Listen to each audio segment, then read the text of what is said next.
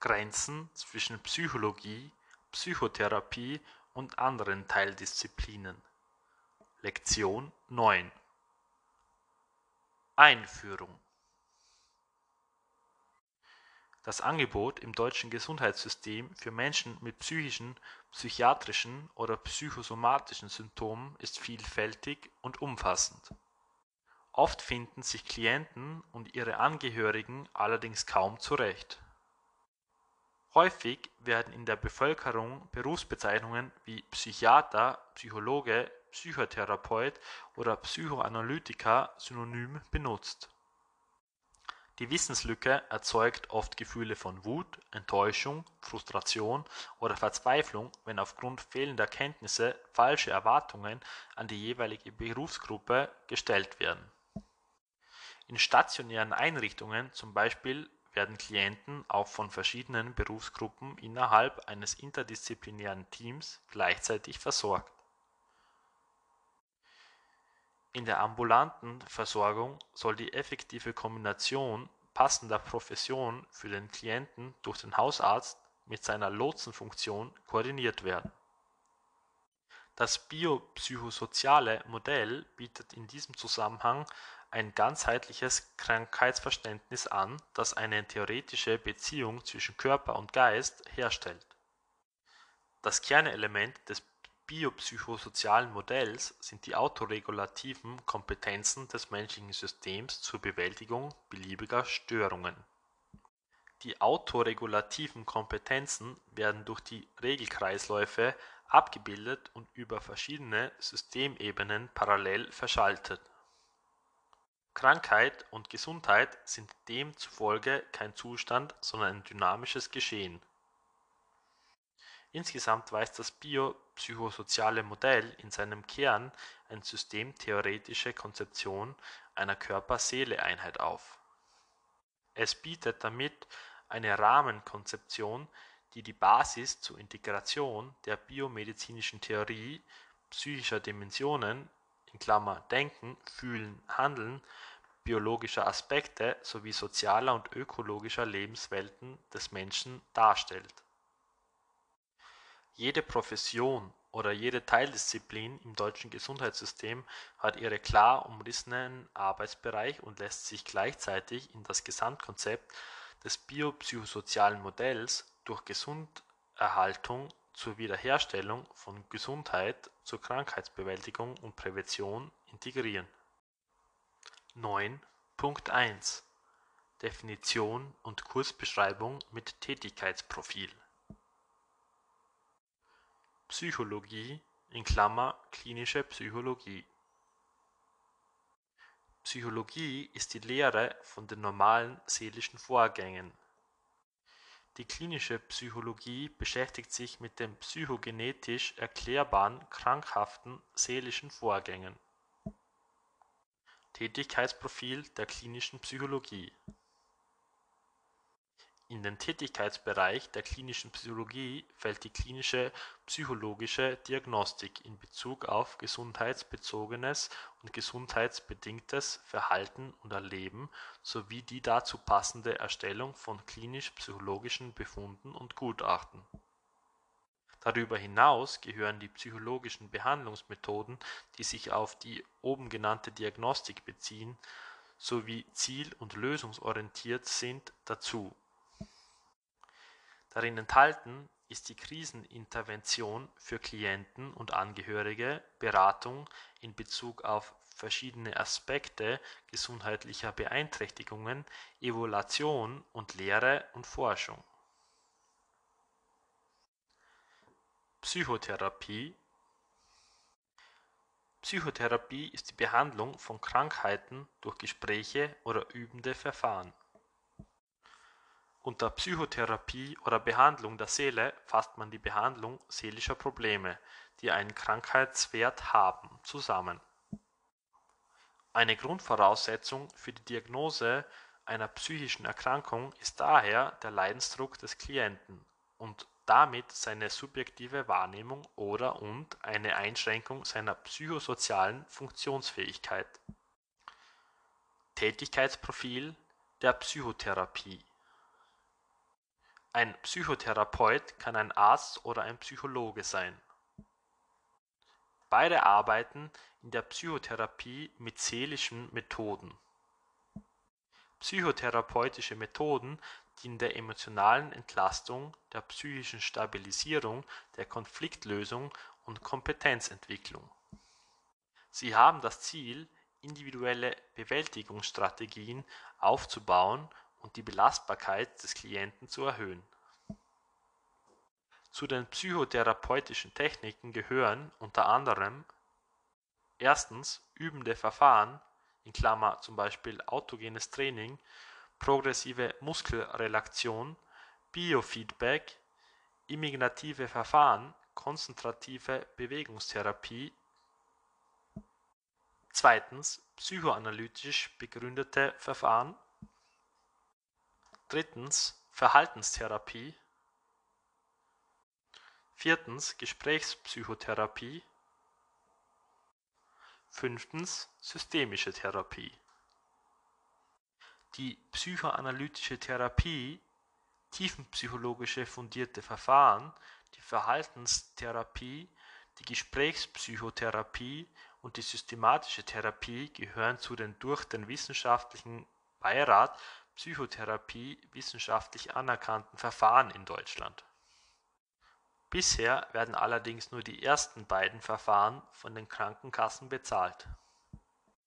Die Psychiatrie, ein Teilgebiet der Medizin, befasst sich mit der Diagnostik, Therapie und Prävention der seelischen Krankheiten des Menschen, einschließlich deren Forschung und Lehre weil bei seelischen Krankheiten auch körperliche Störungen auftreten und weil psychische und soziale sowie somatische Bedingungen an der Entstehung beteiligt sind, muss Psychiatrie in Klammer (klinisch und wissenschaftlich) sowohl psychologische als auch biologische Vorgehensweisen pflegen. Tätigkeitsprofil der Psychiatrie ein Arzt, der nach seinem Medizinstudium eine Fachweiterbildung zum Psychiater erfolgreich absolviert hat, darf die Erkrankungen von Seele und Gemut behandeln. Seine Hauptaufgabe ist es, psychische Erkrankungen zu diagnostizieren und zu therapieren. Dabei fokussiert die Psychiatrie auf tatsächlichen Fakten, die mit psychischen Störungen einhergehen die Psychotherapieforschung und ihr Wirksamkeitsnachweis haben einen großen Beitrag zur Veränderung in diesem Gebiet geleistet. Daher wurde 1992 der Facharzt Neurologie und Psychiatrie in die aktuell gültige Facharztbezeichnung Psychiatrie und Psychotherapie überführt. Das medizinische Fachgebiet der Psychiatrie und Psychotherapie umfasst die Forschung, Diagnostik und Therapie psychischer Krankheiten des Menschen. Neurologie Neurologie ist die Lehre von den Erkrankungen des zentralen, peripheren und vegetativen Nervensystems. Tätigkeitsprofil der Neurologie Ein Arzt der nach seinem Medizinstudium eine Fachweiterbildung zum Neurologen erfolgreich absolviert hat, darf die Erkrankungen des menschlichen Nervensystems einschließlich der Muskulatur behandeln. Seine Hauptaufgabe ist es, neurologische Erkrankungen zu diagnostizieren und zu therapieren.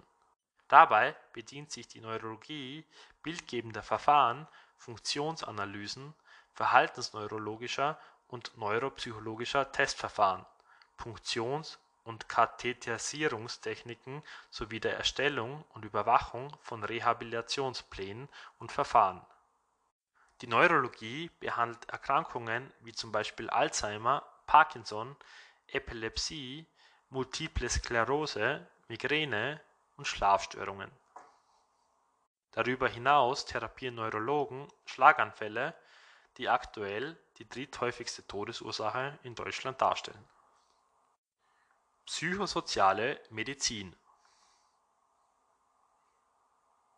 Die psychosoziale Medizin befasst sich mit den psychosozialen Aspekten, die mit jedem Zustand von Krankheit und Gesundheit einhergehen.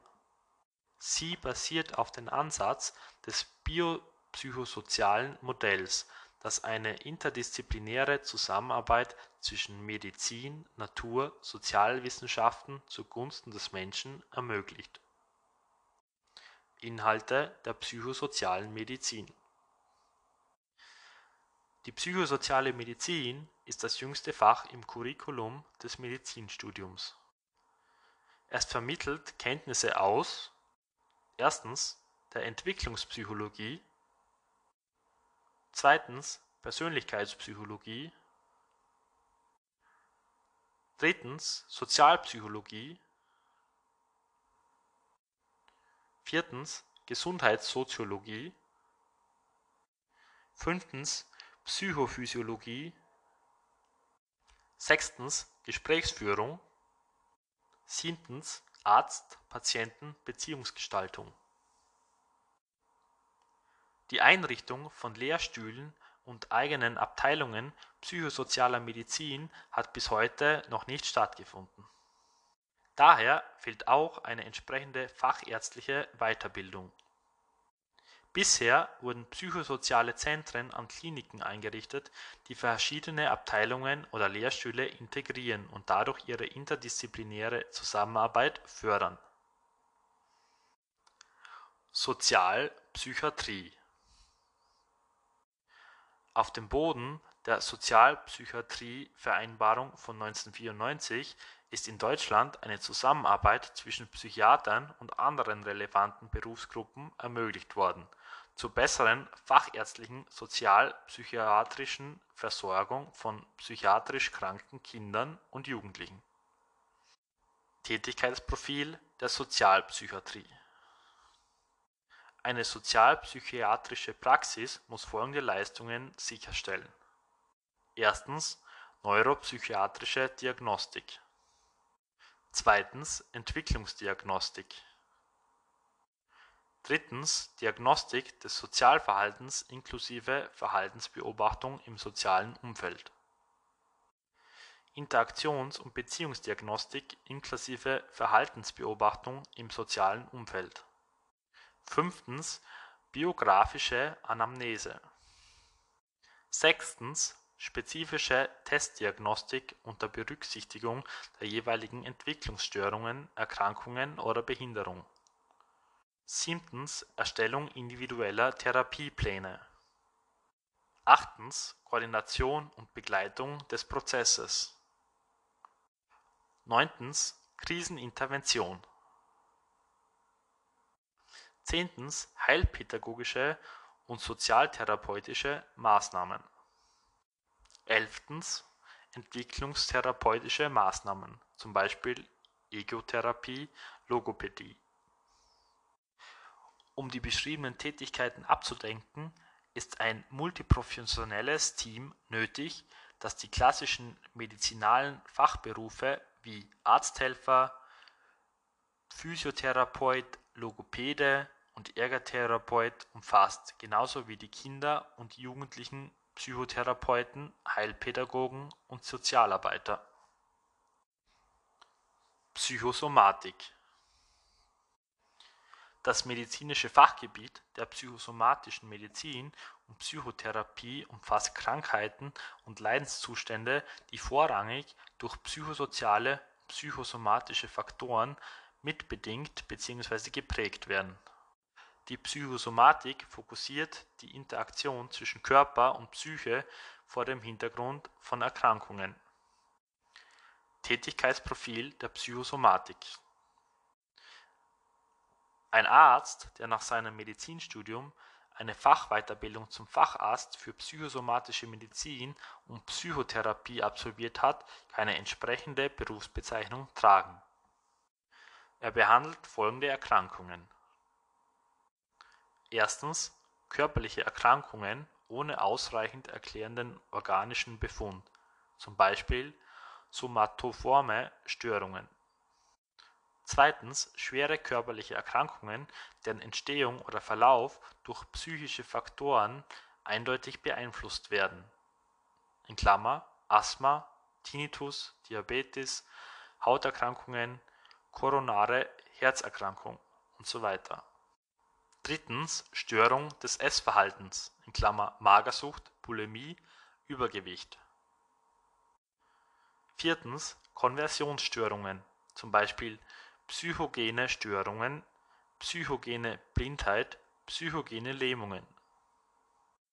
Fünftens psychische Störungen im engeren Sinn Depressionen, Anpassungsstörungen, Angst- und Panikstörungen, Zwangserkrankungen, posttraumatisches Belastungsstörungen, Persönlichkeitsstörungen.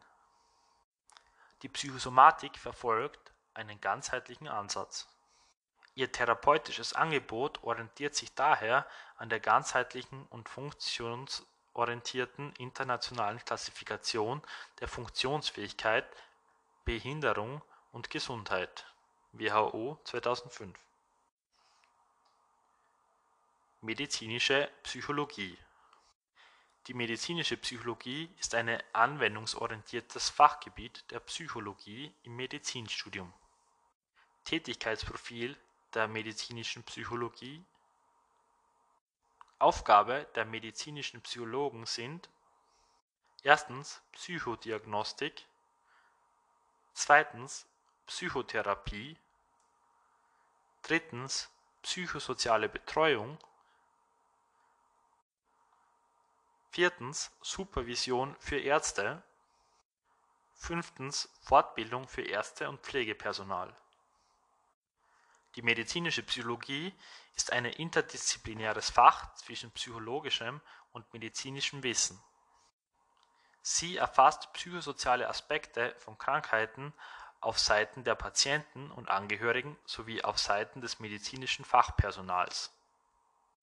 Wichtige Forschungsthemen sind die Arzt-Patienten-Beziehung, Krankheitsverarbeitung, psychisch-biologische Zusammenhänge, Prävention und Gesundheitsförderung Rehabilitation, psychosoziale Versorgungsforschung, Entwicklungspsychologie im Umgang mit Erkrankungen über die Lebensspanne und soziopsychologische Aspekte von Gesundheit und Krankheit.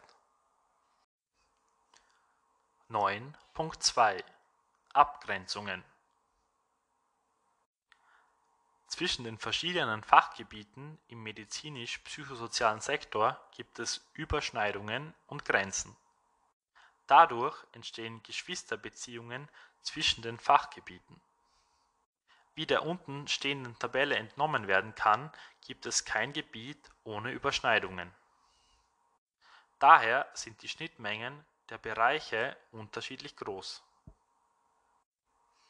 Einen hohen Überschneidungsgrad gibt es zwischen der klinischen Psychologie und der Psychotherapie, so dass dies auch oft übersehen bzw. die beiden Disziplinen verwechselt werden. Ihre Differenzierung ist aber grundsätzlich sehr wichtig. Der klinischen Psychologie kommt eine eher beratende Funktion zu. Die Psychotherapie dagegen arbeitet mit psychotherapeutischen Methoden verschiedener Richtungen in Klammer (Psychoanalyse, Gesprächstherapie, Verhaltenstherapie, systemische Ansätze usw. Auch methodisch können sich die klinische Psychologie und die Psychotherapie hier überschneiden. Eine klare Abgrenzung der beiden Gebiete kann jedoch auf der inhaltlichen Ebene getroffen werden. Die klinische Psychologie geht in die Richtung Stützen der Psychotherapie. Ihre Aufgabe ist es, eine bessere Bewältigung psychischer oder somatischer Beeinträchtigungen zu erreichen. Ihr Fokus ist klar auf eine stabilisierende Wirkung ausgerichtet. Die Psychotherapie dagegen geht einen Schritt weiter. Ihre Aufgabe ist es, verdrängte und unbewusste psychische Faktoren bewusst zu machen, um dabei neue Lernerfahrungen zu ermöglichen. In diesem Zusammenhang spricht man von aufdeckender Psychotherapie Aufdeckende Psychotherapie sorgt eindeutig für eine Destabilisierung und kann daher nur unter bestimmten Umgebungsvariablen sorgfältiger, engmaschiger Beobachtungen und gegebener Grundstabilität durchgeführt werden. Unter Umständen ist manchmal eine notwendige aufdeckende Arbeit mit unzureichender Grundstabilität nur im stationären Kontext möglich Klinische Psychologen dürfen nicht aufdeckend arbeiten, weil sie dafür nicht ausgebildet sind. Differenzierung verschiedener psychologisch-medizinischer Professionen Psychologie Klinische Psychologie Studium Zusatzausbildung ist die Psychologie, der Schwerpunkt Beratung. Psychotherapie Studium Zusatzausbildung Psychologie, Medizin, therapeutische Zusatzausbildung. Schwerpunkt Psychotherapie. Psychiatrie Studium Zusatzausbildung Medizin Facharztausbildung. Schwerpunkt Psychotherapie Medikation. Neurologie Studium Zusatzausbildung Medizin Facharztausbildung Schwerpunkt Diagnostik Medikation. Psychosoziale Medizin Studium Zusatzausbildung Medizin Schwerpunkt Integrierte Versorgung. Sozialpsychiatrie Studium Zusatzausbildung Psychologie, Medizin, Sozialpädagogik, Soziale Arbeit, therapeutische Zusatzausbildung, Facharztausbildung, medizinale Ausbildungsberufe. Schwerpunkt Integrierte Versorgung psychiatrisch erkrankter Kinder und Jugendlicher. Psychosomatik Studium, Zusatzausbildung, Medizin, Facharztausbildung. Schwerpunkt Psychotherapie, somatische Behandlung. Medizinische Psychologie Studium, Zusatzausbildung, Medizin, Psychologie. Schwerpunkt Beratung, Diagnostik, Psychotherapie. Eine ebenfalls sehr enge Geschwisterbeziehung haben die Neurologie und die Psychiatrie. Für die Behandlung seelischer Krankheiten ist in erster Linie das Fachgebiet Psychiatrie zuständig. Vereinfacht ausgedrückt beschäftigt sich die Neurologie mehr mit der Hardware, die Psychiatrie mehr mit der Software, daher die Neurologie beschäftigt sich mehr mit Schädigungen des Nervensystems. Die Psychiatrie therapiert Neurotransmitterstörungen, die emotionale oder psychische Probleme mit sich bringen. Aufgrund der großen Interaktion des Nervensystems und seiner Botenstoffe gab es früher eine gemeinsame Facharztausbildung Neurologie und Psychiatrie. Heute haben sich zwei ausgewachsene Fachdisziplinen mit eigenem Profil herausgebildet, es gibt den Neurologen und den Psychiater. Beide Fachgebiete arbeiten aber noch nach wie vor eng zusammen. Zusammenfassung Innerhalb der medizinischen Versorgung der deutschen Bevölkerung herrscht oft große Unsicherheit über die genauen Zuordnung von Fachdisziplinen und deren Tätigkeitsbereich. Um unnötige Wartezeiten, Frustration und das Gefühl von nicht verstanden werden und weggeschickt werden zu vermeiden, sollten Klienten gut über das Gesundheitssystem in Deutschland und dessen Fachdisziplinen aufgeklärt werden. Darüber hinaus sollten alle Beteiligten die umliegenden Disziplinen mit ihren Gemeinsamkeiten und Grenzen genau kennen, um den eigenen sowie die Tätigkeitsbereiche der anderen abstecken zu können. Hier geht es zum einen darum, den eigenen Kompetenzbereich nicht zu überschreiten und zum anderen darum, Klienten gegebenenfalls an geeignetere Fachdisziplinen zu verweisen. Für die Psychologie ist die Abgrenzung zur Psychotherapie sehr wichtig Während die Psychologie mit stützenden Methoden in der Beratung ihre Schwerpunkte findet, verfolgt die Psychotherapie mit ihren Methoden den eher aufdeckenden Ansatz. Die Neurologie behandelt Erkrankungen des Nervensystems, während sich die Psychiatrie sich ausschließlich den Störungen im Neurotransmittersystem widmet. In der Psychotherapie treffen beide Berufsgruppen der Mediziner und Psychologen aufeinander da das der einzige Weiterbildungsbereich ist, der beide Berufsgruppen offen steht. Die Psychosomatik behandelt typische Krankheitsbilder, von denen eine starke psychische Beteiligung bekannt ist, wie zum Beispiel Morbus Crohn, Colitis ulcerosa oder Neurodermitis. Um entsprechende Fachkräfte für Patienten und Klienten effektiv zu bündeln, werden auch hier Möglichkeiten der integrierten Versorgung durch sozialpsychiatrische Praxen oder psychosoziale Zentren geschaffen.